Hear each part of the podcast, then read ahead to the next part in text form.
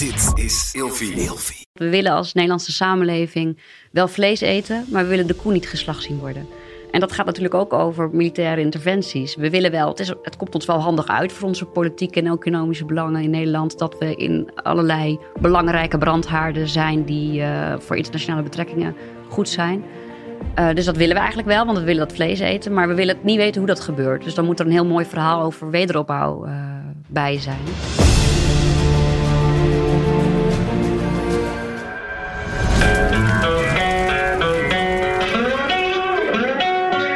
Welkom bij een nieuwe aflevering van Scherpschutters. Vandaag is mijn gast Tini Molendijk.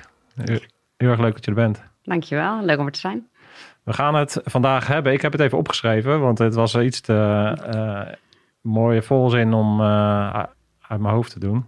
Jij bent cultureel, cultureel antropoloog met een interdisciplinaire focus, waarbij je filosofie, psychologie, antropologie en politieke wetenschap combineert en inzoekt op onderwerpen zoals geweld, militaire cultuur, ethiek en mentale gezondheid. En we gaan het vandaag gaan we inzoomen op moral injury. Wat zou dat zijn?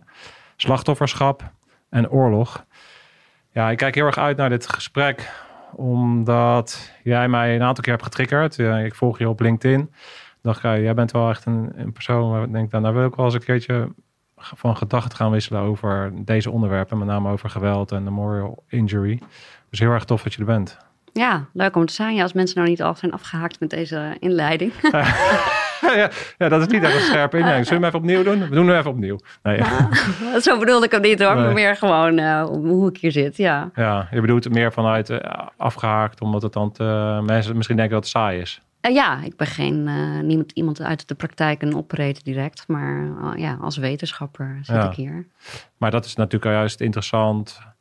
Um, jij bent vanuit wetenschapper, maar wat ik heel interessant vind en wat ik merk in hoe jij de dingen spreekt, is dat ik, ja, maar jij snapt wel heel erg goed wat een militair is, wat hij doet en wat hem bezighoudt. En dat is ook de reden dat ik je heb uitgenodigd. Dus als mensen nog niet afgehaakt zijn, hoop ik, dat ze, hoop ik juist dat ze blijven. Want ja, ik heb wel de praktijk wel gekend. Uh, maar jij komt vanuit een andere hoek. Maar juist die dynamiek daartussen is heel erg interessant, vind ik. Ja, nou ja, daar hadden we het ook al eerder over. Nee, dat vind ik juist heel erg tof. En ik probeer juist ook niet een wetenschapper te zijn die um, alleen maar op de, de leunstoel uh, gaat nadenken over de dingen. Maar juist vanuit de praktijk heel erg te werken. En te kijken, wat zijn nou echt ervaringen van militairen? En hoe kan je dat zien in de context van wat is de aard van hun werk? Wat doen ze eigenlijk voor werk? En nou, wat je al net zei uh, de krijgsmacht is een geweldsorganisatie. Dus wat betekent dat dan? En uh, wat zegt dat ook over, ja, wat is de bredere context hoe wij in Nederland aankijken tegen geweld? Want dat heeft natuurlijk ook wel zijn invloed op, uh, ja, op, op hoe de militair zijn werk ervaart of terugkomt van een uitzending bijvoorbeeld.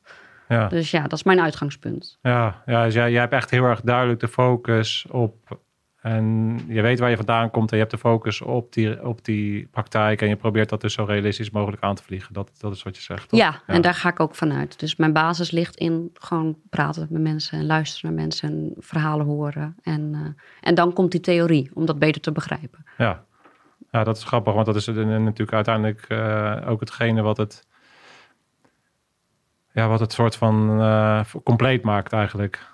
Dus ja. juist, juist die, die, die, uh, die backup vanuit die wetenschap maakt van dat je dus dingen kan staven. En dat er vanuit onderzoeken dat de dingen waarvan je denkt van oh, zeg ik dat zo goed? Hè? Dus dat je bepaalde aannames kan doen. Ja. En door de wetenschap kan je zeggen, oh ja, maar daar is onderzoek naar gedaan. Dus ik kan die aanname wel een soort van, van waar aannemen om ook weer verder te komen. Ja, precies. Ja, want er zijn ook aannames, bedenk ook soms dingen die niet, die niet kloppen. En dat kan je vanuit de wetenschap kan je dat onderzoeken. En het is eigenlijk ook gewoon een beetje patronen herkennen en te verklaren waardoor dat komt. Ja. En dan kan je weer verder. Dan kan je weer terug naar de praktijk. En zo gaat dat heen en weer. Ja. Dat is het idee.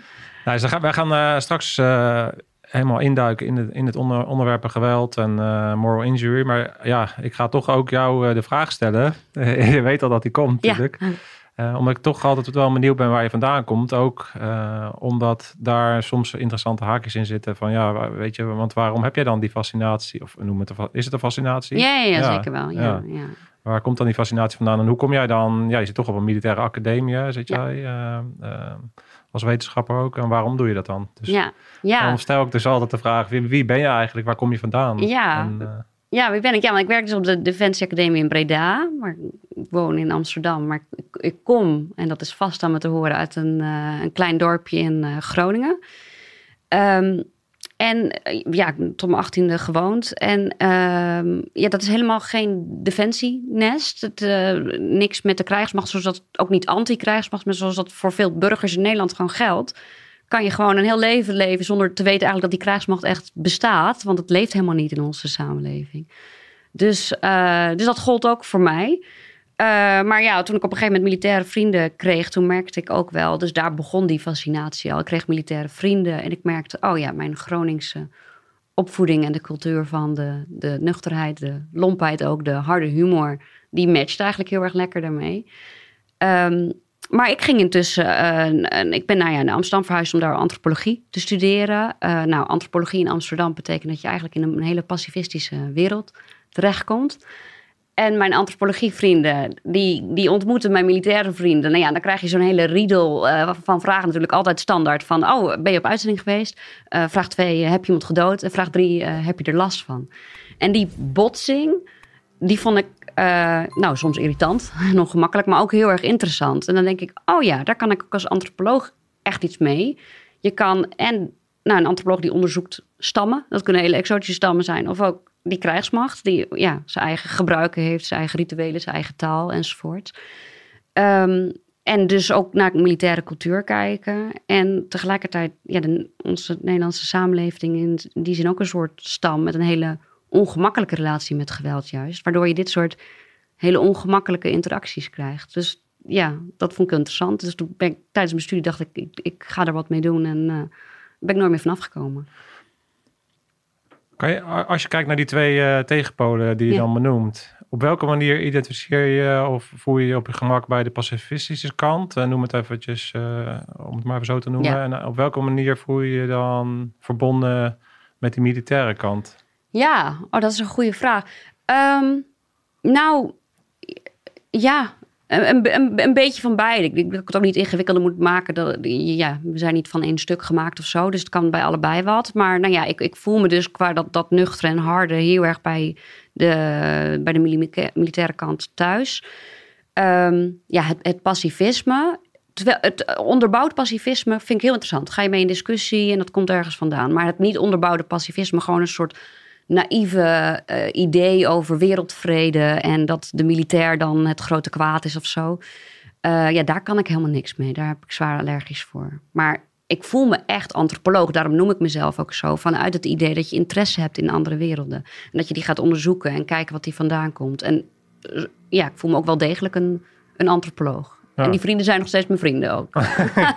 dus ja. Ja, zeker in de huidige tijd wordt natuurlijk alles uh, enorm in hokjes gedouwd. Ja. En ja. Uh, ja, dan kan ik me voorstellen als je dan dus een bepaalde schizofrenie hebt in de mensen met wie je omgaat, om het maar even zo, uh, zo te noemen, dat je, dat je daar soms wel aan de ene kant op die manier aan het verantwoorden bent en op de andere manier, hoe ga jij daarmee om in je, in je privé omstandigheden? Ja, nou ja, ik, dat, nou ja, dat vind ik dus ook soms heel vervelend. En vooral als ik merk dat ik zelf ook me in hokjes laat duwen. Dat ik opeens zo bezig ben als iemand iets zegt, dat ik dus geïrriteerd ben als iemand iets zegt over, oh ja, militairen, die zullen wel last hebben van het feit dat ze iemand hebben gedood of zo.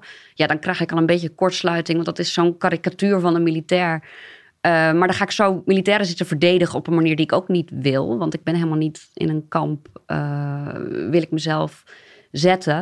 Um, ja, maar wat ik eigenlijk zoveel mogelijk probeer, dus ook niet werelden kiezen, maar gewoon ja, met, met, met mensen praten. En dat gaat toch eigenlijk best wel goed, meestal. En uh, ja, ik merk ook dus dat, op, dat bij mijn vrienden bijvoorbeeld al een heel ander beeld nu bestaat over militairen. Um, en bij militairen soms te merken dat die nucubus ook wel meevallen af en toe. Voor de luisteraars die niet weten wat een nucubu betekent. Waar staat dat eigenlijk oh, ik dacht, ja, ja, ja, Dat is een nutteloze kutburger. Oh, ja. ja, nee, ik krijg altijd het natuurlijk... Uh, ik krijg regelmatig dan het verwijt dat we te veel jargon gebruiken. Dus we moeten dat natuurlijk een beetje vertalen. Ja, nee, ja, goed punt. Goed punt. Even een kort bericht van mij tussendoor. Voel je ook dat je meer zou kunnen? Dat je als het er echt om gaat, je niet 100% levert? Dat je uitstelgedrag vertoont, niet eens begint of het niet afmaakt? Heb je meer last van stress dan dat het je vriend is? Presteren vooral onder druk, is een vorm van meesterschap. Zo zien wij dat bij scherpschutters. Het is geen trucje, maar een keuze. Wij hebben de meest complete gids gebouwd die er bestaat op het gebied van presteren onder druk. Gebaseerd op 50 jaar ervaring in de frontlinies. Toepasbaar voor iedereen. Check www.scherpschutters.online voor meer informatie. Nu snel weer terug naar de podcast. Hey, als, als, als jij, jij bent uh, antropologie gaan studeren, maar ik noemde in de, intro, in de saaie introductie die ik gaf ook al. Ja, dat was mijn eigen introductie ook een beetje, die ik jou gegeven heb. Dus volgens, ja, dan... volgens mij komt het van je website. Maar, ja. Nee, maar je hebt helemaal gelijk.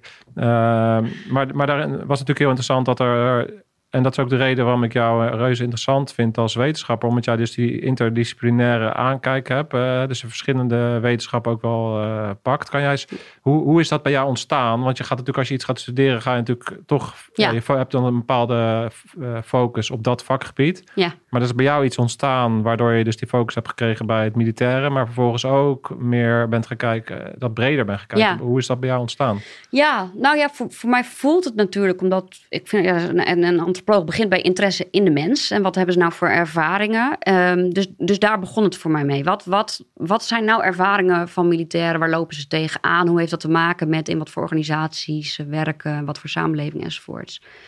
Um, en dan merk je dat we hebben kunstmatig wel bedacht dat je filosofische vraagstukken hebt en sociaal-wetenschappelijke vraagstukken en psychologische vraagstukken. Maar in de wereld bestaat dat natuurlijk helemaal niet zo.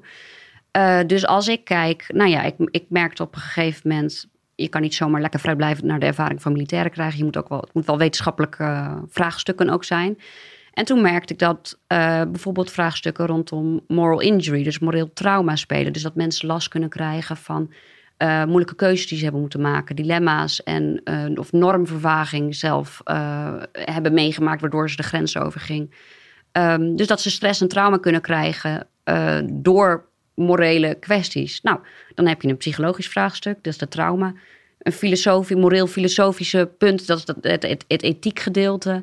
Um, en um, een militair maakt niet zomaar een dilemma mee, komt niet zomaar in een situatie terecht. Dat heeft te maken met wat voor missie je bent gestuurd of wat voor opdracht je bent gestuurd. Wat voor onmogelijke opdracht dat soms is, terwijl je geen middelen hebt gekregen. Dus dan moeten politieke wetenschappen erbij. En je komt soms terug in een samenleving waar mensen uh, je ofwel als een held vereren of nog vaker in Nederland een soort schurk vinden of in ieder geval een beetje ongemakkelijk of een, een slachtoffer van je maken. Alle militairen hebben PTSS, is dan het idee. Dus dan moet je weer ja, die sociale wetenschappen in. Dus voor mij is het ook de, de, thema's die ik bekijk van stress en trauma en militaire cultuur en maatschappelijke beeldvorming, ja, die, die zijn onlosmakelijk met elkaar verbonden. Ja, nou ja, dan heb je het dus inderdaad over context, denk ik. En, uh, en in welke context zie je dan dingen? Wat, wat komt daar allemaal bij kijken?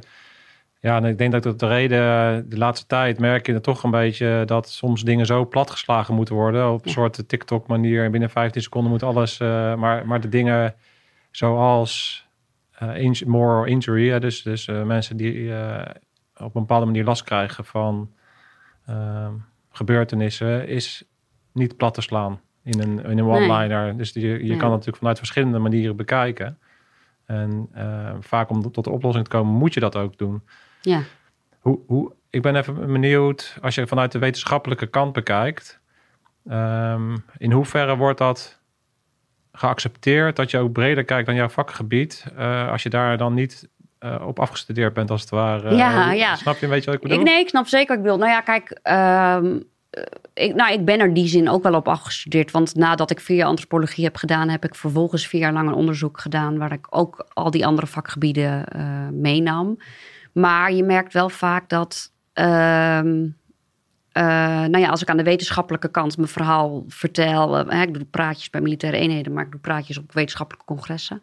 En dan merk je altijd dat je op een, een psychiatrisch congres komt. en dat mensen denken: ja, ja, ja, leuk dat verhaal over politieke besluitvorming. Maar wat voor therapieën zijn nou de beste? Dus, dus je merkt dat mensen me aanslaat op één kant van het verhaal en, uh, en daar moet dan alles over gaan. En uh, dan kom ik bij de, de, de, theologen en die willen hele grote uh, ethische vraagstukken bespreken over of oorlog gerechtvaardigd is of niet. Dus het is, het is wel ingewikkeld, maar ja, ik merk dat de meesten, net als de burger waarmee ik een ander verhaal over de militair probeert te geven dan die karikatuur. Zo merk je ook bij wetenschappers dat het echt wel aanslaat. En dat mensen ook wel aanvoelen dat je het niet kan reduceren tot één dimensie van het uh, ja. geheel. Ja, het is ook wel interessant, want jij hebt natuurlijk dan eigenlijk de tribe uh, krijgsmacht gekozen. Ik noem het even zo, vind ik mooier woord dan uh, stam. Dus ja, tribe, nee. hè, dat, is, dat is je focus. Ik kan me ook voorstellen dat het jou daardoor heel erg helpt. Want je kan natuurlijk ook inderdaad verzanden in allerlei zijwegen. Maar jij probeert het dan, denk dan ook weer elke keer weer terug te trekken naar die doelgroep. Zeg ik, ja. klopt dat? Nee, ja dat, ja, dat klopt inderdaad wat je zegt. Dat is de, inderdaad, want een ander die kan naar allerlei thema's gaan kijken vanuit dezelfde blik. En ik probeer juist naar hetzelfde thema te gaan kijken en alle blikken daarbij te verzamelen die ik nodig heb. En, en dan is het dus ook heel erg mooi dat op de Defensie Academie, dat ik met burger en militaire collega's, die allemaal Um, ja, ik val officieel onder bedrijfswetenschappen. En dan heb je mensen die aan de logistiek zitten en economie. En de krijgswetenschappers zitten om de hoek die bij, met internationale betrekkingen kijken. En dus daarbij ook allemaal militairen die uit de praktijk komen. Um, ja, en dat is heel erg interessant. En dan word je ook gedwongen juist om breder te kijken in plaats van door je tunnel heen. Eh. Ja. Ja, even een leuk weetje voor de mensen die... Nou, ik weet dat dan toevallig, maar jij zit natuurlijk ook op dezelfde gang als Gijs Tuinman. Ja. Uh, bijvoorbeeld, die natuurlijk al vaker te gast is geweest. Uh, zodat mensen ook wel snappen een beetje wat, wat die link is. Want jij zit dus op dit moment vanuit de Koninklijke Militaire Academie. Ja, of ja. dat valt dan officieel. Ik zit bij de faculteit Militaire Wetenschappen. En samen met de KMA, de Koninklijke Militaire Academie, valt dat weer onder de Nederlandse Defensie Academie. Dus, ja. Maar ik denk, ja, we hebben een heel wetenschappelijk instituut gewoon waar we heel erg trots mogen, mogen zijn. Want maar we zijn niet zo goed in de PR daarvan. Dus, nee. uh, nou ja, je, ja nu, je nu, nu wel. Ja, ja, precies. Hey, um, ja, jij noemde het al. Uh, een aantal keer hoorde ik de tussenregels door. Ik heb daar zelf ook last van als ik als militair.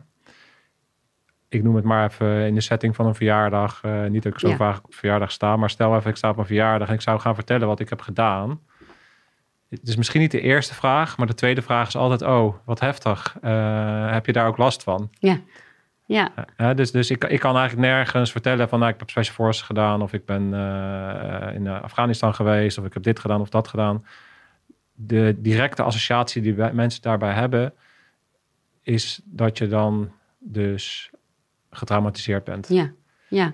Dus vanuit de beste bedoelingen. Ja. maar ik kan niet anders gaan concluderen dat dat de associatie is die mensen hebben. Ja. Kan je daar eens wat over, vanuit jouw ja. oogblik naar ja. kijken? Nou ja, dat heeft natuurlijk ook alles te maken met dus, uh, we het ook al even hadden over, over dat het, het geweld als gekoppeld aan de krijgsmacht. En aan de ene kant uh, is het ook zo dat de krijgsmacht, dat vergeten we ook te vaak, en dat willen we juist als samenleving niet weten, dat de krijgsmacht een geweldsorganisatie is. Ook al Um, het wordt een wat langer antwoord, maar kom terug ja, helemaal op je vraag. Wijd, wijd, We hebben de tijd. Ja, wijd, wijd vooral uit. We ja. geen, uh, nee. geen eindtijd of zo. Nee, nou mooi.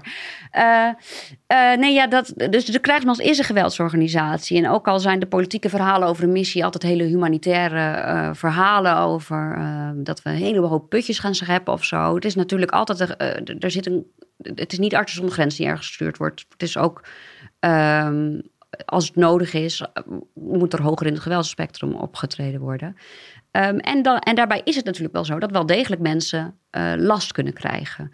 Um, en ik merk ook zelf dat ik wel echt elke week nog wel een berichtje krijg van iemand die mij dus helemaal niet kent, die toch ergens tegenaan loopt, niet, niet, ook niet intern durft te zeggen dat hij ergens last van heeft, maar toch uh, ja, problemen uh, ontwikkelt. Dus het, is, het komt niet helemaal uit het, uit het niks. Maar dan de andere kant is dat wij uh, aan de ene kant willen we het als samenleving helemaal niet weten dat die krijgsmacht een geweldsorganisatie is. Aan de andere kant is dat juist het beeld dat we hebben. Een heel uh, oud beeld over die militair die de hele dag zit te, te, vechten en daarbij verschrikkelijke dingen moet doen.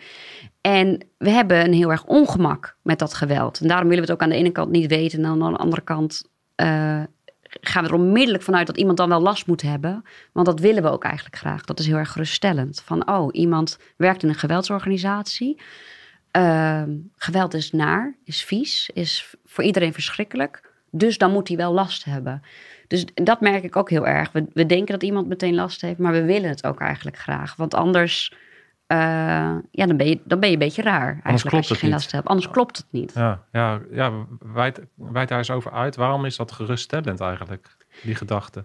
Nou, omdat geweld een zo'n taboe is geworden. Het is een fascinatie en een taboe. En dat is zo oud als de mensheid zelf een beetje, maar dat is zeker van nu. Want het is, even kijken, 160 jaar geleden, uh, zeg ik dat goed? Ja, 160 jaar geleden nog maar, dat er, dat we hadden nog openbare terechtstellingen, waarbij dus mensen op het marktplein werden opgehangen. En dan ging iedereen dan naar kijken ter lering en de vermaak uh, uh, hoe dat was. En dat was heel normaal. En geweld had echt een centrale plek in de samenleving. Dat werd ook gezien als, als, als goed of, of een gerechtvaardigd kwaad op zijn minst nog. Um, en, maar, maar daarbij is geweld steeds meer echt naar de marges van de samenleving geduwd. Hè? Letterlijk dat we geweldsmonopolie, dat we dus uitbesteden aan politie en krijgsmacht. Ja, je kan het zelfs doortrekken naar eten bijvoorbeeld. We kunnen het niet meer aanzien dat een dier doodgemaakt wordt, maar we eten Ja. het wel op. Ja, ja. Dus dat is ook een soort, dat is ook, ja, je kan een dier alleen maar bijna, ja, je Ja. kan hem ook eh, geweldloos doodmaken natuurlijk, maar het is toch een vorm van geweld, want je maakt het dood. Ja. Dus ook zelfs daar Ja. hebben we het dus een soort van uit ons zicht gebracht. Ja, nou ik vind het precies interessant wat je zegt. Want ik heb ook een, een quote van een militair die ik wel vaak gebruik. Die vergelijkt eigenlijk ook militaire missies precies daarmee. Die zegt we willen als Nederlandse samenleving wel vlees eten. Maar we willen de koe niet geslacht zien worden. En dat gaat natuurlijk ook over militaire interventies. We willen wel, het, is, het komt ons wel handig uit voor onze politieke en economische belangen in Nederland. Dat we in allerlei belangrijke brandhaarden zijn die eh, voor internationale betrekkingen goed zijn. Uh, dus dat willen we eigenlijk wel, want we willen dat vlees eten. Maar we willen het niet weten hoe dat gebeurt. Dus dan moet er een heel mooi verhaal over wederopbouw uh, bij zijn. Ja. En uh, ja, dat is precies. Dat is precies dat. En als antropoloog maak ik ook wel eens um, een vergelijking tussen, tussen seks en geweld. Dat zijn allebei dingen die we aan de ene kant heel fascinerend vinden. En tegelijkertijd is het een groot taboe. Ja. Dus we hebben wel die Red Light District is hartstikke leuk. Of oorlogs- en actiefilms is hartstikke interessant. En we willen er ook wel van weten. En er zullen vast ook veel mensen kijken die ook scherpschutters bijvoorbeeld luisteren. Omdat het wel interessant is. Uh, maar we hebben er ook een soort afkeer tegen. Of in ieder geval een soort onbehagen mee. En zeker als het gaat om seks en geweld. De mensen die het, het werk uitvoeren. Dus de sekswerker of de militair. Uh, ja, dat is een dirty job. Dat vinden we, dat vinden we vies. Dat vinden we een beetje raar. Dus, dus we willen eigenlijk ook haast geruststellen dat iemand dan wel last krijgt. Ja. Uh, en dan, is, dan kan het een held zijn. Je bent pas een nobele held als je het, het moeilijke werk doet, maar wel last ook krijgt. Uh. Ja. ja, interessant. Dus uh, kan, kan, iemand nog een held zijn zonder dat hij daar last van heeft? Want dat, ik, ik, ik realiseerde me dat. Het is ook een soort Amerikaans systeem wat over begint te waaien. Ik zat de laatste keer zo'n programma te kijken van, van The Rock. Dat is dan zo'n fysieke uh, games zijn dat. Ja. Ik dacht, ja, al die mensen die daar dan iets gaan doen... die moeten allemaal een zielig verhaal hebben. Ja. Ze, ze Ja. starten eigenlijk met van... ja, ik heb kanker gehad... of ik heb dit gehad... of ik heb die verloren. Maar ik heb het overwonnen. En, en daarom sta ik nu hier.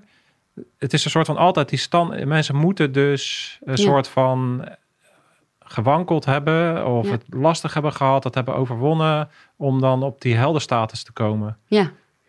Ja, Ook, eh, en hetzelfde geldt dus als je dat doortrekt even naar waar we het nu over hebben, is dus als je dus de heldenstatus gaat bekijken vanuit de militair, dan zullen we dus altijd meer hebben met een militair die dus zichtbaar gewond is geraakt en daar een been kwijt is en daar dan een bepaalde sympathie mee hebben of eh, men- Ja. mentale injuries he- heeft gehad, dan wellicht iemand eh, die daar eigenlijk helemaal eh, stabiel doorheen komt. ja.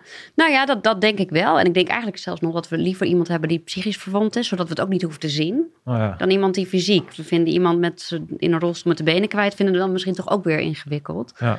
Eh, en dat is natuurlijk, dat krijg je als dingen gevoelig zijn en, ehm, eh, en moeilijk en onbehagelijk. Dan gaan we dat oplossen. Dat, want dat willen we niet. Zeker geen tegenstrijdigheden of zo. Eh, dus geweld dat goed kan zijn, dat vinden we ingewikkeld. En dat lossen we op door eh, orde te creëren, door karikaturen te maken. Dus de militair kan ofwel een held zijn, maar dan moet hij wel zonder een druppel bloed te hebben vergoten, moet hij een land hebben bevrijd of zo. Ehm, daarom is nou denk ik ook deels een herwaardering voor Defensie sinds eh, eh, Oekraïne. Opeens denken we, oh ja, oh ja dat is het, het grote, het, het goede. Dus dat is dan een held. Maar we willen ook niet weten van Oekraïners die de grens overgaan bijvoorbeeld. Dat, is, dat zijn allemaal helden. Ehm, of we kunnen het voor onszelf oplossen dat het allemaal schurken zijn, weet je wel. En zeker dus de militair die geen last heeft, dat, ja, daar raken we in de war. Dus die is ook niet zielig. Dus dan is het maar een, een soort schurk of een dader of een, of een beetje gek. Of het is juist bewijs dat je last hebt, omdat je zegt dat je geen last hebt. Zeg maar van, oh ja, die is, die is doorgedraaid. Oh ja, Ehm, of je dus bent een, een, een slachtoffer. En, ehm, en dat is denk ik ook, en dat is, vind vind ik het dubbele in mijn werk. Ik ben dus bezig met trauma en morele verwonding. En ik merk dat dat heel erg omarmd wordt in, eh, ja, door, door heel veel mensen. Van, oh ja, dat is een belangrijk onderwerp. Maar soms ook omdat ik merk dat het geruststellend is voor mensen. Ah. Dus ze denken van, ah hè hè, ja, mensen krijgen last ervan. Het is ook moeilijk. En dat is fijn. Ja. ja, als je dan dus kijkt, hè, want dan hebben we het dus over bepaald, ja, het is een beetje een raar woord om te gebruiken, maar dan heb je dus een bepaald imago, wat het dan dus heeft. Maar als je dus naar moral injury kijkt, ik zou het wel interessant vinden, misschien moet je zo meteen eerst, eerst even uitleggen wat het is. Ja. Ehm, maar dan vervolgens zou ik ook willen induiken in inderdaad dat beeld ervan. En is het nou helpend of is het niet helpend? En op Mhm. welke manier is het dan niet helpend of wel helpend? En dat moet ik misschien even iets verder uit, ehm, uitleggen. Is dat als er dus aan de ene kant hebben we allerlei mental health campagnes, die natuurlijk een, ook dat beeld versterken dat iedereen er wel een soort van last van moet krijgen. Ja. En dat is goed, omdat dat natuurlijk, je gaf het al aan, als je mailtjes krijgt van mensen die nog steeds niet de openheid voelen om daarover te praten. Dus het is aan de ene kant is het goed, maar ik vraag me ook af, ik zie ook wel een keerzijde ehm, van allerlei campagnes. Van helpt het wel om zo die focus te hebben op die mentale kant? Ten eerste voor degene die het werk doet. Ehm, van als je da- van tevoren eigenlijk al denkt dat je er ziek van gaat worden, helpt dat eigenlijk wel in de uitvoering van het werk. Dat is één. Ja. En de andere, ja, misschien wijd ik nu veel te veel uit. Nee, maar ja. we, we, we- we pakken hem wel gewoon uit. Jij Ja. hebt zoveel gestudeerd, jij kan dat makkelijk. en aan de andere kant, wat ik zie, en dat vind ik een hele ingewikkelde om überhaupt politiek correct te zeggen, maar op het moment dat er een soort van de mogelijkheid is om je te verbinden aan een bepaald iets al, al van more injury. Dus ja, oh, oh ja, ik, ik vind het leven toch wel ingewikkeld. En ik ben militair geweest. Ja, ja, waar komt het eigenlijk vandaan? Oh ja, en er is heel de PTSS is dan een soort van ook een soort van. Oh ja, ik, heb, Ja. ik, heb, ik heb gewoon dat. En dan kan je jezelf in een soort hokje zetten. En dan kan je bijna een soort excuus hebben voor. Ik zeg, ja, ik vind het heel moeilijk om dit dus uit te spreken. Omdat ik heel bang ben dat er mensen zijn die, echt, die daar dan echt daadwerkelijk op een bepaalde manier last van hebben. Die dan denken dat ik dat allemaal op één hoop gooi. Maar ik ben bang dat het ook op, ehm, een uitnodiging geeft om een soort van toe te geven aan iets waarvan ik denk van ja, maar het is ook belangrijk om een soort weerstand te geven. Ja. Ja, ben ik te wollig? Nee, je snapt wat ik nee, bedoel, nee, nou ja, precies. We worden er vanzelf wollig van, Ja. omdat we niet... Omdat ik ben dus eh, bang ben om mensen tegen het scheenbeen te Ja, schoppen. nou, en dat precies. Dat, dat herken ik ook. Dus ik wil zorgvuldig zijn. Het gevaar is dat we wollig worden. Maar, eh, maar laten we het inderdaad uitpakken. Dus Ja. hè, er is een gevaar aan de, aan de voorkant. eh, over mensen van tevoren er zoveel over te vertellen dat ze sneller stress en trauma oplopen. En aan de achterkant dus dat, je, dat het een identiteit ook kan worden. Ehm, ja, maar wat je zei eerst even, wat is moral Ja, injury? we gaan starten. Oké, Eh, ja. moral injury. Wat is het eigenlijk? Ja, wat is het? Eh, nou ja, het is de, de, de, de, de psychische en, eh, en sociale impact ook van, van, van situaties die eh, tegen je normen en waarden ingaan, tegen je morele overtuigingen en verwachtingen. Dus dan, eh, ik noemde het net al een beetje, dus kan het gaan over hele moeilijke keuzes eh, moeten maken. Eh, bijvoorbeeld, eh, je, je wil een, een- kind dat op sterven na dood is, dat je tegenkomt tijdens een patrouille helpen, maar je hebt ook een opdracht om een vermoedelijke Taliban-strijder op te pakken. Dat is je prio. dus daar moet je tussen kiezen. Of het kan zijn een normvervaging. Dat zie je ook juist bij de frustrerende opdrachten en eh, inzet. Of gewoon bij politie bijvoorbeeld gewoon die langdurige belasting van dag in dag uit dingen doen. Dat mensen afgestomd raken en daardoor dingen doen waardoor ze later denken: Oh, ik was onverschillig. Of ik ging weer brede grapjes uitmaken met lijken die ik bijvoorbeeld eh, eh, vond. Ehm, dat soort dingen. Eh, en ook, en dan zie ik dat vaak tegelijkertijd, ehm, je verraden voelen doordat je, ehm, nou, ik heb veel Srebrenica-veteranen gesproken, die op een onmogelijke missie zijn gestuurd, wat van tevoren al duidelijk was of had kunnen zijn. Eh, dus een groot verraad naar de organisatie, naar de politiek toe. Ook soms hoe de organisatie als wegwerpbekertje met je omgaat nadat je uitvalt. Ehm, dus dat is, dat is wat moral, injuries gaan noemen. Dus ook die klachten van een heel diepe schuld en schaamte aan de ene kant. En dat is echt enorm soms en compleet kapotmakend. En ook vaak tegelijkertijd sterke gevoelens van verraad eh, naar anderen toe. En je vervreemd voelen ook van de mensen om je heen, eh, ja, waar je niks meer mee kan. Ehm, en daarbij soms ook een, een spiraal. Dus je hebt wat meegemaakt en vervolgens ga je zelfdestructief gedrag vertonen omdat je denkt dat je niks verdient. Dus je deelt je vriendin van je weg. Eh, je vindt dat je geen eh, het kind dat geboren is, vind je dat je eigenlijk geen recht hebt op dat geluk, waardoor je er afstand van neemt, waardoor je je schuldig voelt en zo door. Dus dat is echt hele serieuze problematiek. En Ehm, ik merk dat we het daar, uh, dat toch weinig mensen daarvoor uit kunnen komen. Het is niet voor niks dat ik mailtjes krijg of ook, uh, ja, dus door mensen gevraagd wordt om praatjes te doen. Um, en we denken soms, omdat je dat op, op Twitter ziet of op wat voor social media dan ook, dat iedereen maar aan het zeuren is en aan het klagen. En ik denk dat heel veel mensen dat te weinig doen. En dat het juist niet slachtofferiger is om, om erover te praten en hulp te zoeken, want dan kan je juist verder. Um, maar goed, daar zit een dubbelheid in. En zeker als het gaat over um, dat je, nou wat je zei, dat je eraan toegeeft, dat het echt iets, een identiteit wordt, zou ik het willen noemen. Ja, klopt dat een beetje? Wat je... Ja, dus, dus, dus als je als je dat even terughaalt naar het tv-programma waarop het dus op een voetstuk wordt gezet om een bepaald trauma door, ik noem het even trauma om het samen te vatten, dat is denk ik ook al fout, want we noemen tegenwoordig denk ik veel te veel dingen trauma, maar uh, dus dat je iets heftigs hebt meegemaakt, waardoor je dus op het tv-programma komt, die een podium krijgt, dan ja. Eh, dan, dan nodigt het natuurlijk uit van ja, maar ik wil, ik, wou dat ik ook, eh, als je dus, dus dan iets heftigs hebt meegemaakt en je maar en dat je helemaal gaat identificeren eigenlijk met dan een soort uh, ja, een PTSS of een burn-out of een uh, depressie of, of iets heftigs. Injury iets, iets heftigs, ja. Dat je dus, terwijl Um, waar zit dan de scheidlijn tussen uh, daadwerkelijk de diagnose, depressie en het je daarmee identificeren? En op welke manier is het helpend en op welke manier is het schadelijk? Ja, ja. nou ja, precies. En ik denk precies dat daar de scheidslijn ligt tussen een diagnose en een identiteit. En um, wat je dus ziet, en dat is ja, daar, je kan, we kunnen er haast niet over praten, omdat het lijkt alsof er allemaal oordelen in zitten. Ja, maar het, ga, het, gaat gewoon, het gaat gewoon om een proces dat Um, als jij is, en zeker voor sommige militairen geldt dat heel erg, je hele identiteit gebouwd hebt op uh, fysieke en mentale hardheid. Dus een, een goede militair zijn is fysiek en mentaal hard. Of, of überhaupt een militair zijn is dat.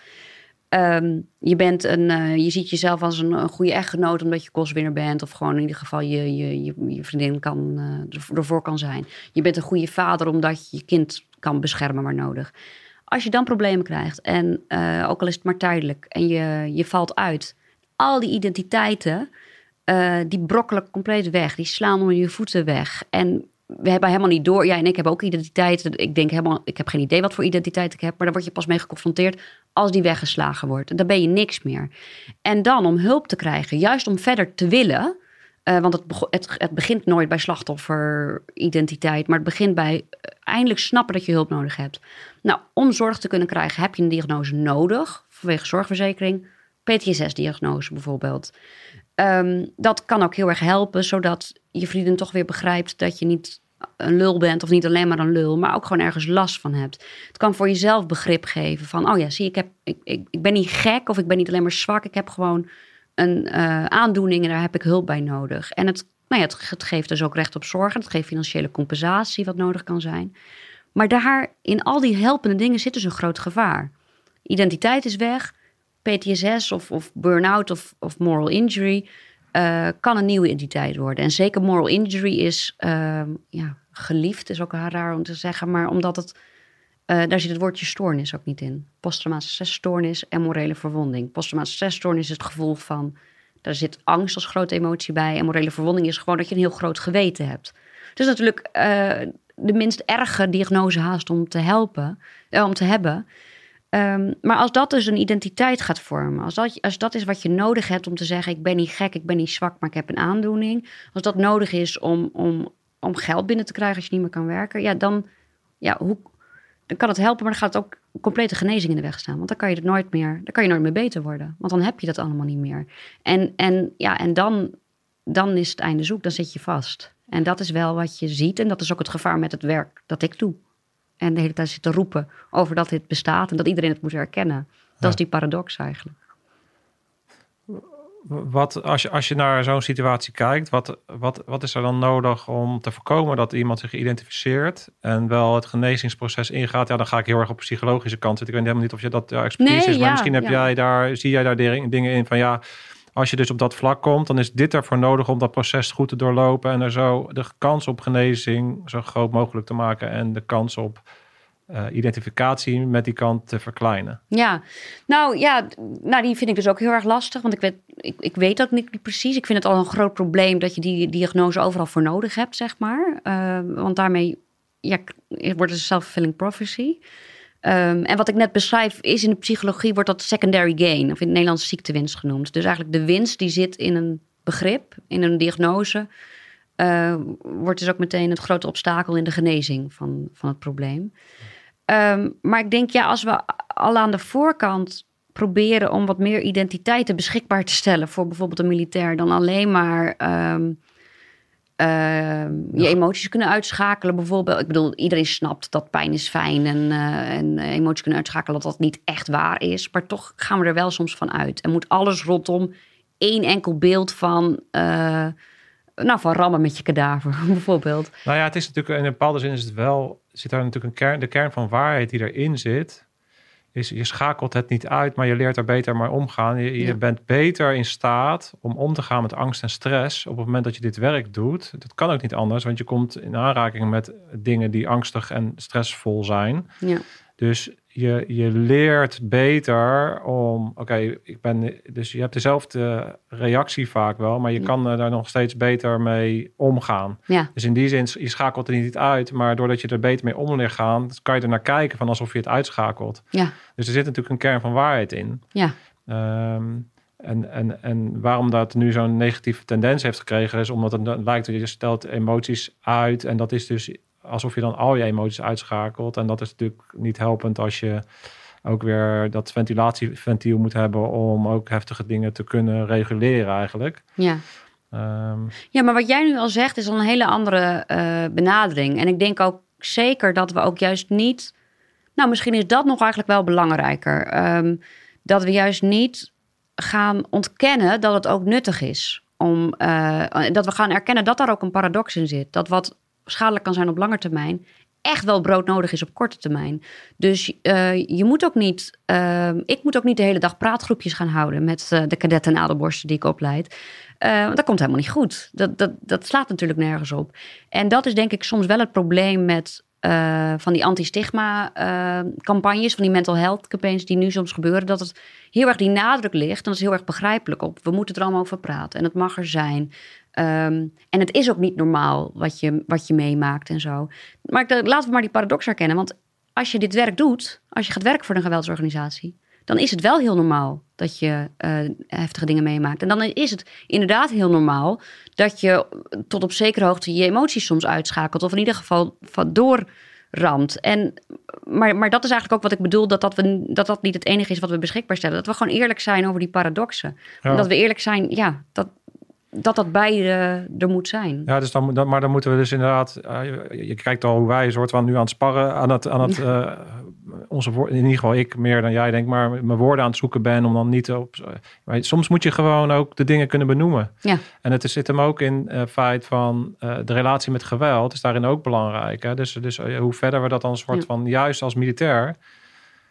Ja, je moet dus een andere relatie opbouwen met geweld dan ja. Uh, de gemiddelde mens. En dat betekent hetzelfde als jij in een slachthuis werkt. Ja, ja. Als, je, als, jij, als jij niet een andere relatie met het doden van dieren opbouwt dan de gemiddelde mens, ja. dan, dan, dan ga je natuurlijk, dan kom je eigenlijk al meteen op het gebied waarop je vatbaar bent voor moral injury. Omdat Ja. je dan dus tegen, uh, ja, tegen je soort van je eigen waarde of geloof of. of, of uh, Ja, je bent al getraumatiseerd voordat je begonnen bent. Dan, uh, Ja. ja. Want dan komen we langs natuurlijk naar, de, naar die andere kant. Want in hoeverre is het aan de voorkant goed om dan dus um, de manier waarop we er nu mee om lijken, lijken te gaan, uh, mensen dusdanig bewust te maken van het feit dat je moral injury kan oplopen.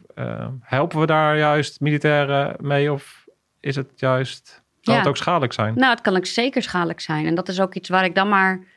De enige oplossing die ik daaruit vind... is om er dan maar transparant over te zijn, ook aan de voorkant. Dus als ik in, in, uh, in lessen, ook bijvoorbeeld ethiek uh, lessen of, of andere... Uh, of als ik het dus over stress en trauma heb. Om daar ook, uh, om, om meteen die andere kant ook uh, te laten zien. Dus als ik het heb over um, dat normvervaging een risico kan zijn op moral injury of morele dilemma's. Dan maak ik ook duidelijk dat dat niet betekent dat morele afstomping alleen maar slecht is. Want een chirurg die gaat ook niet kijken naar een een man met een familie die die opereert. Nee, die kijkt naar organen en ledematen waar die insnijdt. En die afstand, die, dat kan je dan afstomping noemen, die is heel goed en heel nodig. En dat beschermt je juist. Ehm, maar ja, ik, er is haast niet uit te komen over wat je dan wel moet doen. Want om dan maar helemaal niet meer uh, er uh, bewustzijn voor te creëren, dat schiet natuurlijk ook niet op. Dus, ik, dus ik denk precies dat. Dat we ook, uh, dat, ja, dat, dat je dat maar gewoon in die zin een beetje duidelijk maakt. En dat het ook niet erg is om af en toe een beetje last te hebben. Want dan schrikken we ons ook meteen kapot. Um, dat, nou, de meeste militairen die kennen wel dat ze wat dan wel PTSS light voor de grap genoemd wordt. Dat als ze van een een, een, heftige inzet of dus een uitzetting terugkomen, dat je een tijdje heel alert bent en het liefst een beetje in de hoek gaat staan om het overzicht te hebben.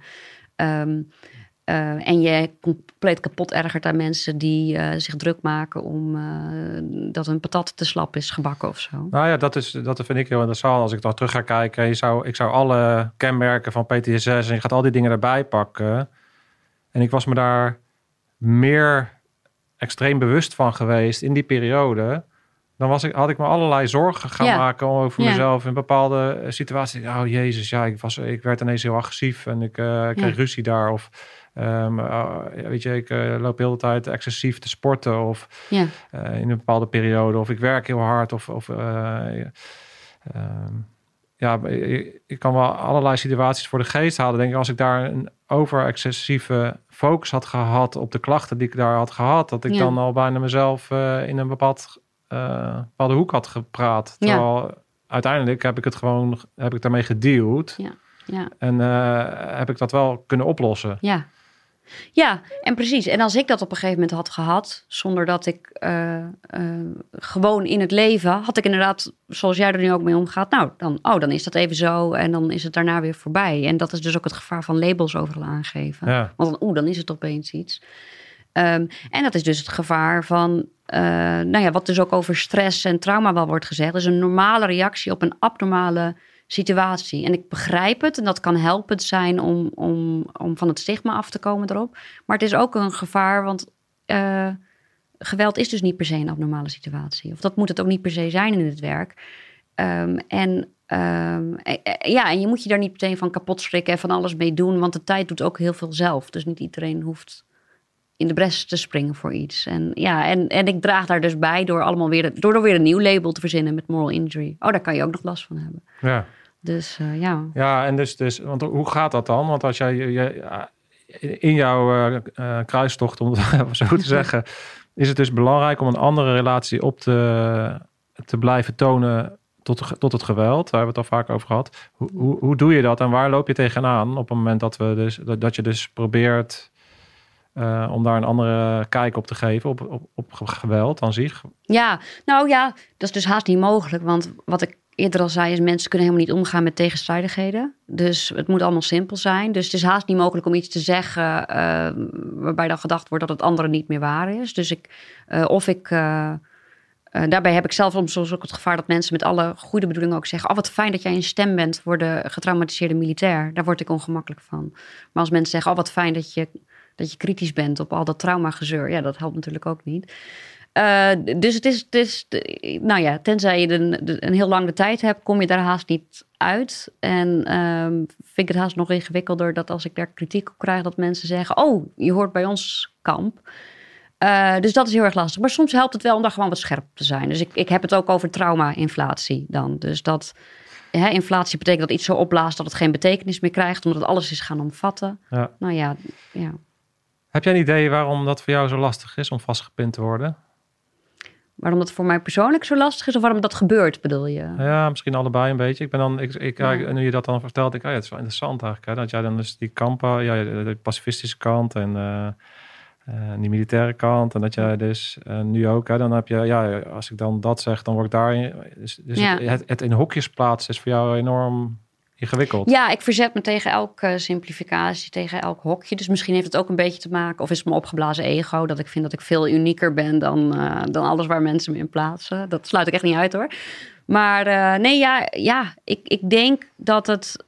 Wat ik zie aan, mijn waarde is dat ik in heel veel opzichten een beetje met één been ergens in sta en een buitenbeentje ben. En ik denk dat dat helpend is voordat ik ook kritisch naar zaken kan kijken zonder dat ik er iets vanaf weet. Dus ik ben wel empathisch ten opzichte van wat ik zie gebeuren, maar ik heb er ook kritiek op. Ehm, maar ja, dat zie je toch niet, niet veel eigenlijk. Dus de wereld is vaak opgedeeld in de, de militair en de nukebu. Of de wereld is opgedeeld in de, de, de filosofie of de antropologie. En de wereld is ook altijd opgedeeld in eh, of je bent pro-defensie of je bent anti. Ehm, ja, en daar voel ik me heel prettig bij. Want dan slaat, dat slaat nou precies alle planken mis, denk Ja. ik dan altijd juist. Dus. Ja, dat is, dat is een hele... Ik moet ook aan Gijs Tuinman denken, want ik vond het ook interessant. Ik ben met hem natuurlijk naar Zweden geweest. Ja, de Master of Chaos. De Master of Chaos. Wat heel interessant was bij hem, is ook in een bepaalde oefening werd hij ook een soort van vastgezet. En dan, eh, ja, daar, hij kan dat ook gewoon. Hij, kan, hij, hij is zo out of the box dat hij zelfs out of the box al eh, niet out of the box genoeg vindt, om het Ja. maar zo te zeggen. Ja. Dus hij, hij, hij probeert altijd wel weer een weg te vinden om, om het op een andere manier te bekijken. Dus daarin kan het ook misschien iets zijn wat vanuit de wetenschap natuurlijk ook wel belangrijk is om te doen, natuurlijk. Maar ik ben ook wel benieuwd van, heb jij, heb jij, een- heb jij een idee waar het bij jou vandaan komt? Van als je nog even terugkomt van waar, wie ben je eigenlijk? Ja. Is, dat een, is dat een gezinsdynamiek of is dat jouw rol ook vanuit het, het huis uit? Eh, ja, oh ja, ja. Ik merk dat ik daar ook wel gemakkelijk word. Ik wil heel snel Omdat het, iets heel, privé worden. omdat het heel privé is? Ja, ja, als, het, ja. als het te privé is, Maar goed, ook nee hoor, nee, ja, goed, laat ik dan ook mijn comfortzone een, een heel klein beetje uitstappen. Eh, nee, nou, ik kan me voorstellen dat het deels te maken heeft dat ehm, ik ben niet voor niks vanuit een Gronings dorpje naar Amsterdam ook eh, gegaan. Ik kwam op, op een gegeven moment zelf de ontdekking dat ik op mannen en op vrouwen val, waardoor je ook al in geen enkel hokje meer past. Dat vond ik ingewikkeld. Ik ging dus eh, ja, de antropologie doen en dan heb je militaire vrienden. Dus ik ben vaak denk ik gewoon eh, dat je toch wordt geconfronteerd met dat je dus ook niet, dat die hokjes gewoon niet werken. Niet passen. Je, je past die jas gewoon niet. Nee. Nee. En dat is toch, denk ik, wat ook wel interessant is voor dat het soms ook. ehm, ehm, nou, misschien is het nu gevaarlijk ook zeggen, maar ik denk ook minderheden in een land. Dus als jij een etnische minderheid bent of religieuze minderheid, eh, of eh corona met er eigenlijk kritiek, kritiek op hebt, dat je dan voelt dat je opeens geconfronteerd wordt met dat mensen van alles van je vinden, wat voor jou dan een, een volledige karikatuur is. eh, ja, en dan moet je er wel uitvechten. En dan zie je het op veel meer andere plekken ook gebeuren. En ik heb het idee in ieder geval dat mijn empathie voor mensen en echt hun willen begrijpen, deels er misschien vandaan komt, omdat ik zelf ook voel dat. eh, eh, nou, maak het wel heel overdreven. Wat ben ik toch, wat ben ik toch een zielig slachtoffer. Maar eh, nou ja, dat je gewoon dat je, ja, dat je zelf ook wel voelt dat vaak denkbeelden gewoon niet kloppen over Ja. jou alleen al. Ja, nou ja, ik vind het enorm interessant wat je allemaal vertelt. Omdat het, ik denk dat er ook bijna niks relevanter is in de huidige maatschappij dan dit eigenlijk. Tegenwoordig. Ja, Ja. Ja omdat we gewoon eh, dat, dat continu maar alles in, eh, in hokjes douwen en terugbrengen tot een kleur van je huid. Of, ehm, dat, eh, of waar je op valt of eh, wat je be- bent. Dat het allemaal ja. het is, of je links of rechts of zo. eh, links ja. of rechts. En eh, dat het eh, zo, ehm, ja, be- zo beperkend en ook zo niet recht doet aan hoe de wereld echt is. Ik denk dat we ook daarin, naast dat we een andere relatie met geweld zouden moeten opbouwen, ook een andere relatie met de werkelijkheid zouden moeten opbouwen, waarop we accepteren dat de dingen altijd anders zijn dan we denken en we eigenlijk heel erg weinig weten. Hoe meer we weten, hoe minder we weten. Ja. En als Ja. we die basisinstelling ook wat meer zouden hebben met z'n allen, dan krijg je natuurlijk ook weer een hele andere dynamiek, denk ik, eh, dan de discussies die we nu af en toe voorbij zien komen. ja, nou ja, ik, zeker, ik vind het ook best wel gevaarlijk hoe het. Hoe, hoe, hoe- En dat is een logische reactie natuurlijk ook op hoe eh, eh, gevaarlijker de wereld gevoelsmatig wordt, hoe meer we behoefte hebben aan vaststaande hokjes. Maar juist wat meer ook onbehagen, echt onbehagen toelaten. Dat, eh, ja, ik denk dat dat echt een heel belangrijke stap is die we niet zoveel doen. En, en, dat, nou ja, en daarom wil ik dus ook als wetenschapper aannames testen. En als ik dus ook denk aan. ehm, ehm, wat- ik denk dat ook er heel veel de nadruk is op dat, we, dat, dat iedereen opeens een trauma heeft, om het toch maar even zo te zeggen. Dus ook de, de voetballer waarvan zijn contract niet verlengd is, die, dat vond hij een traumatische ervaring. Eh, dat hoorde ik vorige week weer op het nieuws. Ehm, dat dat eh, te maken heeft met een soort maakbare samenleving waar we ook in zijn gaan leven. En dat we ehm, ehm, juist omdat het zo goed gaat, ook deels, eh, vinden dat alles maar goed moet gaan. En dat het een groot drama is als er dan iets verkeerd is. Dus als we tegenspoed hebben of tegenslag of zo, dan moet het ergens doorkomen. Dan geven we daar een label aan, dan moet het onmiddellijk opgelost worden. In plaats van dat we het gewoon dragen. En ik denk ook aan de samenleving is veiliger dan ooit. Er is minder geweld in, in de wereld sowieso, maar ook in Nederland. Minder, minder eh, inbraken en overvallen enzovoorts op straat. Toch voelen we met z'n allen het idee dat, dat Nederland steeds gevaarlijker eh, is geworden. En dat is dus een gekke tegenstelling, kan je zeggen. Maar ik denk dat het een uit het ander voortkomt. Juist omdat het zoveel veiliger is geworden. Juist omdat we heel erg geslaagd zijn in allerlei risico's uitbannen. Eisen we dat ook overal. En als er dan maar één ding verkeerd gaat. Dus, dus er een geweldsincident in, eh, op straat of in een organisatie. Of, of, of er zijn slachtoffers gevallen. Dan, dan worden we woedend. Dat had nooit mogen gebeuren. Er moeten nog meer regels komen zodat het nooit meer gebeurt. En zero tolerance eh, enzovoorts. En ja, ik weet niet of het helemaal duidelijk wordt hoe ik die link ook met Nou ja, stress wat- trauma zie. Wat ik ja. denk is van ja, we zijn de slachtoffer geworden van ons eigen succes. Nou, die- dan zeg je het heel een stuk beknopter dan... eh, ja, precies. Ja, nou ja, dat. Dat is dat, dat. Precies dat. We zijn een slachtoffer geworden van ons eigen succes. En, eh, en ook dat moet dan weer opgelost worden. Ja, dat moet dan weer opgelost Ja. worden. Ja, wat, wat bij mij, een ding wat bij mij de laatste tijd heel erg vaak terugkomt, is het gevoel van weer wat meer terug naar de basics.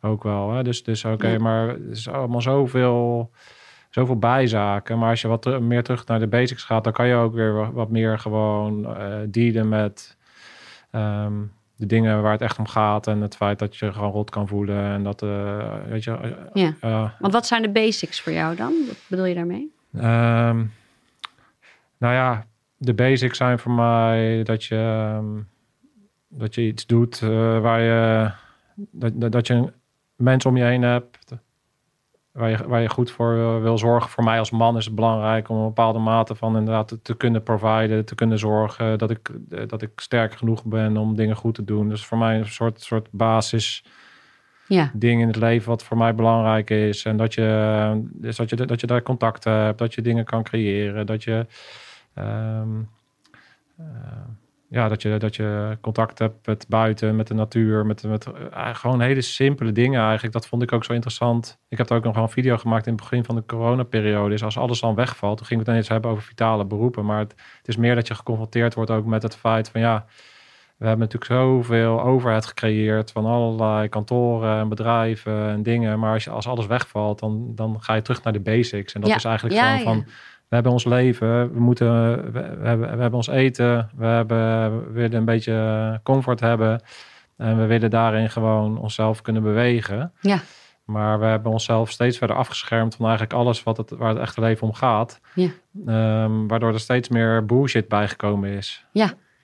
Oh ja, dat is interessant. Nou ja, kijk, het grappige is dat ik ook onmiddellijk weer als antropoloog dan denk van wat is het echte dan, weet je wel? Want er is zoveel door cultuur en eh, gevormd dat ik, dat ik, dat ik het eh, ingewikkeld vind om, eh, om een soort echte essentie van de natuur. En met het gevaar dat we die ook gaan romantiseren. Hè? Ja. Vroeger was alles beter. Ja. Maar de- dat, dat zijn meer hoor, automatische reflexen van mij dan dat is, wat, dat is niet wat je zegt. Maar, maar Nee. nee, maar goed. Wat, wat, wat is Ja. echt inderdaad? hoor. Wat is- maar, maar, ja. maar, maar wat ik wel denk, en dat zullen misschien wel meer mensen herkennen. Ik weet niet of we nu te veel van het onderwerp afgaan, maar even als sidestep van die telefoon en het kunstmatig in een, in een huis zitten. En de manier waarop we ons letterlijk steeds meer afschermen van anderen en van ook van de, van de, wereld, van de buitenwereld. Ja, Voelt niet super natuurlijk. Nee. En eh, hetzelfde geldt van het uitbesteden van geweld. Weet je, ook Ja. geweld bestaat niet meer. Ik zit in mijn huis. Dit is, dit is, dit is hier, hier ben ik veilig. Allemaal Ja. steeds veiliger. Geweld bestaat niet meer. Als er iets moet gebeuren met geweld, dan bel ik gewoon een politieagent. Die regelt het allemaal. Als ik wil eten, dan wil ik allemaal niet zien hoe dat allemaal gebeurt. Ik eh, besteed het lekker uit. ja. Dat Ja, voelt, dat, voelt ja. als, dat voelt in ieder geval voor mij, eh, als, niet- als, niet, een echt of onechte, zeg maar wel van, eh, ik weet niet of dat nou een hele natuurlijke beweging is en of we daarin ons eigen succes, is, is succes dan straks dat we 100% veilig zijn? Ja, dan kunnen we ons net zo goed inklikken in een soort matrix-bubbel. Dat is de enige mogelijkheid om veilig te zijn. Helemaal, helemaal, Ja. helemaal 100% veilig in een soort bubbel te zitten. Ja, hoe ver Ja. gaan we daar dan in? Ja, En dat we nu misschien op, op een punt komen waarop we dus geconfronteerd worden. Jij vanuit je vakgebied dat je ziet van hé, hey, dat is dus een beweging van onze tribe. Als we de tribe eventjes groter maken naar de mensheid. Ja. Oh ja, we hebben dus geweld. We is zo oncomfortabel geworden. Hebben we zo buiten ons gesteld. En in hoeverre ehm, ja, is dat dan wel natuurlijk? ja. ja nou, en om, eh, inderdaad, eh, is voor jouw gevoel, is dat je dan zegt, is, is, is oorlog eh, dus ook het echt, het echte, echte? Of, dus, of, of in het... Nou, ja, ja, ik geloof wel heel erg in een soort tegenstelling. Kan je wel vrede hebben zonder, de, zonder, Ja. zonder die, die, die, ja, die oorlog zit natuurlijk in onszelf of zo. Ja. Weet je, we hebben zelf in onszelf ook die, die kanten. ja. Dus als je kijkt naar geweld, ja, geloof jij dat er een wereld kan zijn zonder geweld? Nee, nee dat, nou als je inklikt dus. eh, als, Als je als je inklikt en de Matrix eh, krijgt, dan, dan dat is de enige mogelijkheid op een wereld zonder geweld. ik. Ja, Dus, eh, nee, nou ja, dus, dus dat is precies dat. En dat heeft ook te maken met eh, een mensbeeld. We hebben heel lang zo op een gegeven moment zijn we echt gaan denken. Dat waren experimenten van Zimbardo en, en Milgram. dat die, jaren 50 en zo. de jaren Ja. 50, ja. Toen was echt heel erg het idee. Dat was ook mede door de Tweede Wereldoorlog kwam. Van hoe kunnen nou gewone mensen zulke verschrikkelijke dingen doen. En toen ontstond heel erg het idee van. Oh ja, iedereen, als je die maar in een bepaalde situatie stopt. kan een groot monster worden. Nou, dat was een belangrijk inzicht, maar ook, ook simplistisch. En dan nou, heb je nu een, een Rutger Bregman die dan zegt... eh, nee, nee, de meeste mensen deugen. Hè? Van nou, eigenlijk iedereen heeft allemaal goede bedoelingen. En ook daarbij is het weer zo van... eh, jongens, kan, kan het niet wat ingewikkelder zijn? En dan ja, vind ik het interessant om terug te gaan naar denkers als Plato en Nietzsche en Freud... die gewoon zeggen, mensen hebben beide driften of beide krachten in ons. We hebben echt vernietig- vernietigende driften. Oorlog kan ook echt, eh, en destructie kunnen we echt van genieten als mens. Eh, dat zit in ons allemaal. Eh, en we hebben verbindende krachten. Het is niet voor niks. We zijn sociale wezens. We zijn geen lone wolves met z'n allen. Dus, en dat hebben we allemaal in ons. En dat is ook allebei... Die destructieve kracht is dus ook helemaal niet per se slecht... als dat in balans is met die andere kracht. Want dat is precies als dat in balans is... waardoor je bijvoorbeeld vechtlust krijgt in positieve zin. Dat je bereid bent om te vechten fysiek of op een andere manier... voor iets wat je belangrijk vindt en zo. Ja. En ehm, ik denk als je op zo'n manier ook eh, meer kijkt... dat- geweld en vechten niet automatisch iets vies en naar is... maar dat je ook snapt dat dat een, eh, iets positiefs of in ieder geval iets nodigs Ja, en als je die weer doortrekt naar waar we eigenlijk vandaag over hebben, over het, het, nou ja, het moral injury of het trauma.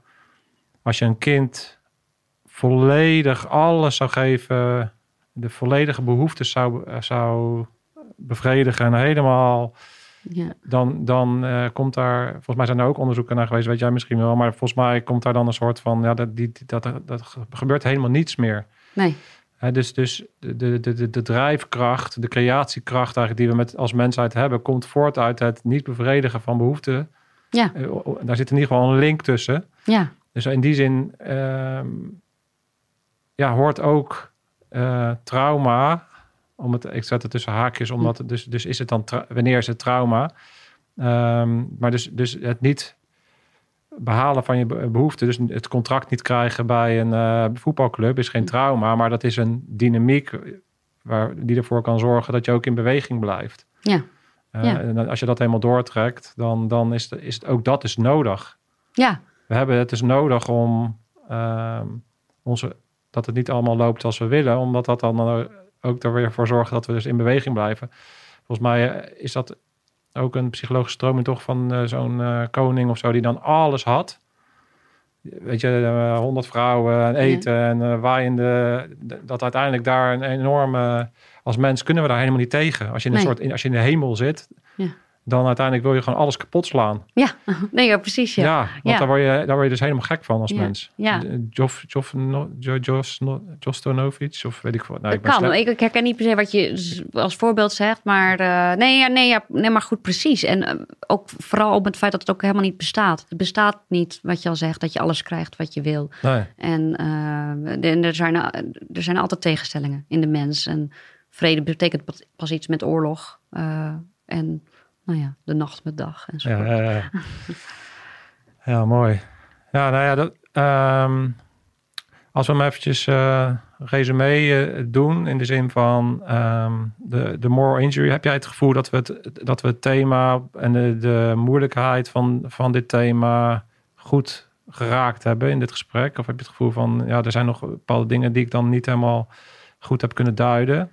Eh, nee, nou, ik denk zeker. Want het, nou ja, het lijkt misschien dat we alle kanten op zijn gaan. En dat zijn we ook wel. Maar voor mij heeft dat nou juist allemaal met elkaar te maken. Zonder dat je het specifiek hebt over welke symptomen eh, bij moral injury. De- de- de- ja, zo kijk ik er niet naar. Nee. En ik denk dat het vooral belangrijk is, is dat je dus ook eh, moral injury, morele verwonding, maar in het algemeen psychische problemen niet alleen iets moet begrijpen als, oh, dat is iets tussen de oren waar je dan met in de behandelkamer wat mee moet doen. Ehm, maar dat je gewoon ook het lijden ziet als en onderdeel van het leven en onderdeel van, van iets, iets breders. Het is niet voor niks dat bij stress en trauma de grootste beschermende factor is niet per se eh, karakter of therapie, maar is social support. En dat is een leuk woord. Gaat eigenlijk gewoon over dat je mm, in een goede, in een goede omgeving zit en zo. En uh, nou, vroeger had je allerlei krijgersrituelen. Waarbij men, uh, krijgers die terugkwamen van oorlog, die moesten door allerlei uh, reinigingsrituelen, bijvoorbeeld de christelijke rituelen waren een soort van boete doen, wegblijven van de kerk voor een tijd, vasten voor een bepaalde tijd. In Mozambique heb je nog dat teruggekeerde militaire Um, hun oorlogsdaden naspelen en in allerlei baden gaan. Nou goed, het klinkt misschien allemaal heel erg zweverig, maar ik bedoel ermee te zeggen dat is een hele andere manier om om te gaan met heftige dingen meemaken dan hup de behandelkamer in. En dat is een manier waarop je het gewoon met de gemeenschap oplost, uh, waarbij er ook niet uh, ja, van alles speciaals hoeft te gebeuren. Ook onderdeel van het, van het leven en iets wat, ja, waar we met z'n allen ook verantwoordelijk voor zijn. En, en dat, dat meer bredere beeld, ja, dat, dat vind ik heel erg belangrijk als we kijken naar psychische problematiek in het algemeen. Ja, dat is heel mooi. Ook daarbij, dus ook dat niet willen uitbesteden allemaal. Het is heel belangrijk dat je de behandelkamer hebt en dit is zeker een onderdeel van. Maar als we alles maar blijven uitbesteden, het gaat erom dat we dus die verbinding meer weer opzoeken. En het is ook voor een mens dus, denk ik, nodig om in een groter onderdeel uit te maken van een, van een geheel. En dan ja, dan zou je dus moeten kijken naar die rituelen van de strijders van onze krijgsmacht die terugkomen. Daar zijn we allerlei rituelen binnen de krijgsmachtmuren. Ja. En ze doen wel hun best om natuurlijk dat, dat soort van maatschappelijk ook meer zichtbaar te maken door bepaalde plekken te doen. Maar het is best wel uh, cru natuurlijk dat als jij ergens uitgezonden wordt in een, in een raar land als Afghanistan en je daar allerlei avonturen meemaakt en je komt terug, dat er dan dus eigenlijk zo weinig aandacht voor is. Voor, voor die strijd. Anders dan inderdaad even de behandelkamer in. Oké, heb je ergens last van? Nee, en je gaat weer door. Ja. Terwijl het vanuit onze natuur wellicht en vanuit de geschiedenis natuurlijk allerlei voorbeelden, mooie voorbeelden aanhaalt van dat het echt wel anders was. Want je, ja. je maakte wel, je kwam terug en er was een soort ritueel. Er werd eigenlijk, een ritueel betekent eigenlijk alleen maar dat je er als omgeving, sociale omgeving of, of maatschappij, ruimte en aandacht aan geeft aan het feit dat het zo is, om vervolgens weer verder te kunnen. Ja. Want dat is uiteindelijk natuurlijk het ding. Je wil dan niet. Een, Op het moment dat we dus dat, dat meer zouden doen, dan is die behandelkamer ook wellicht minder nodig. Omdat ja, op, dat, op dat moment, het is er. Je hebt het meegemaakt. Het, het mag er ook zijn. Het wordt ook gezien. Het wordt erkend. En vervolgens kan je door. Ja. Ja, precies. En, ook en dan hoef je ook niet vanuit dat beeld van je moet weer de oude worden of zo. Nee, dat is helemaal niet zo. Je gaat naar de status van veteraan. Dat is een eervolle status ook. En je gaat naar een nieuwe, uh, een nieuwe fase en zo. En dat is nou ja, precies. En daar is iedereen bij betrokken en ook iedereen mede verantwoordelijk voor. En, dat, en het krijgerschap en het geweld is gewoon een onderdeel van iedereen. En ja, en dat, niet dat we nou moeten gaan copy en pasten van die oude rituelen. Want nou ja, dat gebeurt soms wel, maar met wisselend succes zou ik zeggen. Leer uh, leerde, haal er de lessen uit en uh, kijk hoe je het kan integreren in het huidige systeem, zou ik dan zeggen. Ja. Toch? Dat en dat doen we misschien ook wel onbewust al veel meer dan we denken natuurlijk. Maar, maar dat, zou, uh, dat zou mooi zijn. Ja, ja. Dat, dat denk ik ook. Ja. Ja, dus, dus ja, ik, vind, ik vond het heel interessant. En ik denk heel relevant uh, om het een keer op deze manier te hebben. Want ik heb het natuurlijk eigenlijk, uh, ja, ik heb al, uh, weet ik voor 130 afleveringen of meer, heb ik het natuurlijk over allerlei vormen van geweld. En soms impliciet en soms minder impliciet. Um, dus voor mij, ja, voor mij hoort het erbij. Mijn relatie met geweld is misschien ook wel anders, omdat ik zo daarin in die wereld heb gezeten. Mm. Um, maar daarin is, zou het natuurlijk heel is natuurlijk heel interessant als er allerlei mensen naar zo'n podcast op een gegeven moment gaan luisteren die misschien helemaal niks mee hebben, daardoor toch ook een soort andere blik kunnen krijgen, juist door ook eh, door jouw verhaal en door de uh, kunnen zien van oh ja, we besteden het wel uit, maar misschien ja, hoe kijk ik er eigenlijk naar? Kan ik, kan ik er een soort van meer gemakkelijk mee zijn met het feit dat het daar is? Ja. En, en dan niet alleen maar met geweld, maar ook met, met, met, met het moeilijk hebben met het leven en hoe je het dan ook uh, wil noemen. Ja.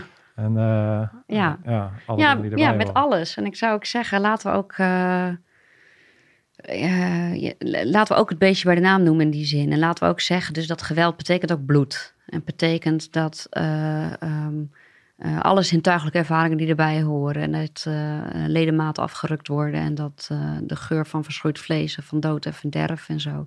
En laten we daar vooral een beetje ongemakkelijk bij worden. prima, maar laten we het daar wel over hebben. En ook over alle tegenslagen in het leven. Dan ja, vind ik de, de oude Griekse tragedies veel interessanter dan alle sprookjes die we er nu omheen hebben bedacht. Um, want oude tragedie nou, zelfs de goden, die, die gingen vreemd, die sloegen mensen dood, die deden van alles. Er waren helemaal geen perfecte mensen en ook geen perfecte goden. Iedereen was feilbaar, iedereen had fouten. En daar werden ze ook wel verantwoordelijk voor gehouden of soms gestraft. Um, maar dat vind ik een veel interessanter mensbeeld uh, en een beeld over wat tegenslag betekent dan het idee dat je helden en schurken en slachtoffers hebt en dat sprookje en, uh, en happy end uh, enzovoorts. Ja, nou, ja, wauw. Ja, dat, dat, uh, dat, is, dat, dat zeg je mooi. Ik denk dat we dat meer zouden moeten doen. Ja, weet je, iedereen heeft... Uh, ieder, we zeggen het allemaal wel. Ieder huisje heeft zijn kruisje en ieder, ieder, iedereen, iedereen is vuilbaar. Ja. En laten we dat ook wat meer weer accepteren van elkaar. Van het feit dat we dat dan allemaal zijn. Zonder meteen iedereen te cancelen en te doen. Uh, zodra ieder, iemand niet meer in dat hokje past. Ja. Dat ja. is echt, ik een enorme hekel aan. Ja. Nou, en jij ook volgens mij. Ja, ja precies ja. Dus, uh, en, en uh, en als er voor, voor comments onder YouTube-video's uh, niet alleen de extreme, maar ook de middelmatige. Die, ja. de, de middenmoot. Laat ik ja. ja, dat is sowieso. Uh, de, de oproep om uh, Mm. de midden, middenmoot mag zich best wel wat vaker laten horen. Ook al denk je dat het misschien niet te doet. Het doet er dus wel toe om je gewoon een keer te laten horen. Ja. Hey, als, je, als je kijkt, hè, want uh, ja, jij zit in dit vakgebied, jij hebt een bepaalde missie. Ehm, als jij nu kijkt naar jouw vakgebied en we houden het even bij moral injury. Wat zou je graag. Wat is wat, hoe is het nu en hoe zou je het graag verbeterd willen zien? Of waar, waar zie je nog van ja, hier, hier op deze weg zouden we een soort van door moeten pionieren om bij een wereld uit te komen waarbij ik denk dat we meer ja. in balans zijn. Nou, eigenlijk precies wat we net zo, uh, wat ook hebben besproken. Niet alles reduceren tot het een of het ander, maar ook als het dus gaat over psychische problematiek, heel serieus nemen. En ik denk dat we dat best wel hebben benadrukt. Dat mensen juist wel erover moeten praten en wel hulp zoeken uh, als nodig. Maar dat kan juist betekenen dat je niet vast blijft zitten in een slachtofferrol. En uh, dat we ook niet alles terug moeten voeren. Dus ook voor leidinggevenden of zo, militair, dat als iemand last heeft, niet zeggen: oh, die verwijs ik door naar de GV'er of naar de geestelijke verzorger of naar de een psycholoog. Maar iets is wat je met z'n allen op kan lossen. En wat dan niet ook meteen een groot eng drama hoeft te zijn. Uh, maar iets waar we ook wel uit kunnen komen. En dat, die verbreding, ja, dat is voor mij mijn, uh, mijn persoonlijke en mijn wetenschappelijke missie. Nou, mooi. Nou, ik hoop in ieder geval dat de mensen die hier naar kijken daar en, door geïnspireerd zijn. Ik ben er in ieder geval door geïnspireerd door, jou, uh, door jouw verhaal. En uh, ik vond het heel fijn om hier met jou in, in gesprek te gaan. En uh, tof dat je er was. Ja, nou, ik vond het ook heel erg interessant. Ja. Dus dank dat ik er mocht zijn. Heb ik, heb ik als laatste af, als, als afronde heb ik misschien iets gemist? Of je zegt, oh, dat zou ik nog wel even willen raken? Nee, nou wat ik van tevoren al zei, ik dacht, oh, hoe krijg ik zo'n lange tijd... Uh, ik heb geen idee. het volgeluld? Nee, maar volgens mij zijn we... Ja, we hebben mooi... Uh, uh, ja, het enige wat ik, wat, wat ik hier nog heb is misschien die, uh, die masculiniteitsdimensie. Waarin, waarin Nederland zo uh, feminien is geworden. Ja. ja. Oh ja. had je dan, dat is wat ik je had, is socioloog Geert Hofstede deed onderzoek naar de masculiniteitsdimensie. Je zag dat Nederland bijzonder vrouwelijk is geworden. Als je dit gegeven meeneemt en kijkt naar hoe wij naar militaire geweld en oorlog aankijken. Wat is jouw kijk erop? Wat is de, als, als allerlaatste ja. dingetje van hoe, hoe, hoe zijn de feminine versus masculine waarden in een land van invloed op jouw vakgebied? Ja, nou ja, dat, dat, is, dat raakt misschien een beetje aan wat we net hadden over natuurlijke en cultuurlijke. Als antropoloog vind ik dat weer ingewikkeld, omdat mannelijkheid en vrouwelijkheid ook alweer uh, de definitie daarvan verschilt per land. Dus uh, de kleur roze is in sommige landen heel erg mannelijk. En uh, bij, in Oost-Europa is bijvoorbeeld huilen kan een hele macho eigenschap juist zijn. Dus ook de, de, huilen bij kunst en huilen om leed kan juist een heel erg macho iets zijn. Ja. Dus, dat, dat, dus, die, dus elk land op een spectrum zetten van mannelijk of vrouwelijk wordt dan voor mij ingewikkeld. Maar ook daarbij denk ik, ja, la, laten we juist niet iets mannelijk of vrouwelijk gaan zitten noemen. Want dan gaan we daar weer een discussie over hebben of zo. Maar gewoon een beetje bij de naam noemen. Dat kwetsbaarheid eh, oké is, eh, maar dat we niet alles eh, kapot hoeven te zeiken. Nou ja, Ja. zoiets.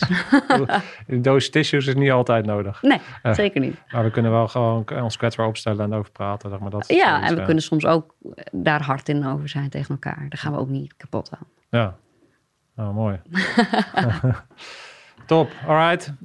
Nogmaals, dankjewel. En ik vond het heel leuk dat je er was. En als, je, als je ooit eens een keer met nieuwe onderzoeken of dingen tegenaan loopt en je zoekt een platform daar eens een keer in gesprek om te gaan, zou ik bij deze willen zeggen, eh, mijn eh, platform is er voor jou. Dus eh, als je... Graag. Ja, Hoef ik niet in de comments te zetten dat ik iets... eh, ik ben het hier niet mee eens, ik heb iets nieuws. Maar, kan je nee. gewoon even, eh, dan kunnen we het gewoon, dan kunnen we daarin duiken en kunnen we de nuance juist opzoeken en het niet plat slaan in een comment. Ja, nou graag. Dankjewel. Top. Alright.